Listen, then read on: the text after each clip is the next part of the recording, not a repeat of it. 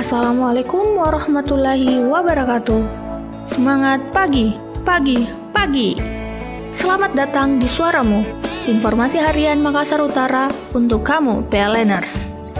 Hari ini kita akan membahas visi dan aspirasi PLN 2020 sampai 2024. Adapun visi PLN yakni menjadi perusahaan listrik terkemuka se-Asia Tenggara dan nomor satu pilihan pelanggan untuk solusi energi. Dan aspirasi PLN, yakni grid, unggul dalam transisi energi di Indonesia melalui pengembangan EBT serta cepat dan skala yang efisien. Inovatif, menstimulasi pertumbuhan melalui model bisnis dan jasa yang inovatif. Customer focus, melayani pelanggan dengan kualitas dan layanan kelas dunia.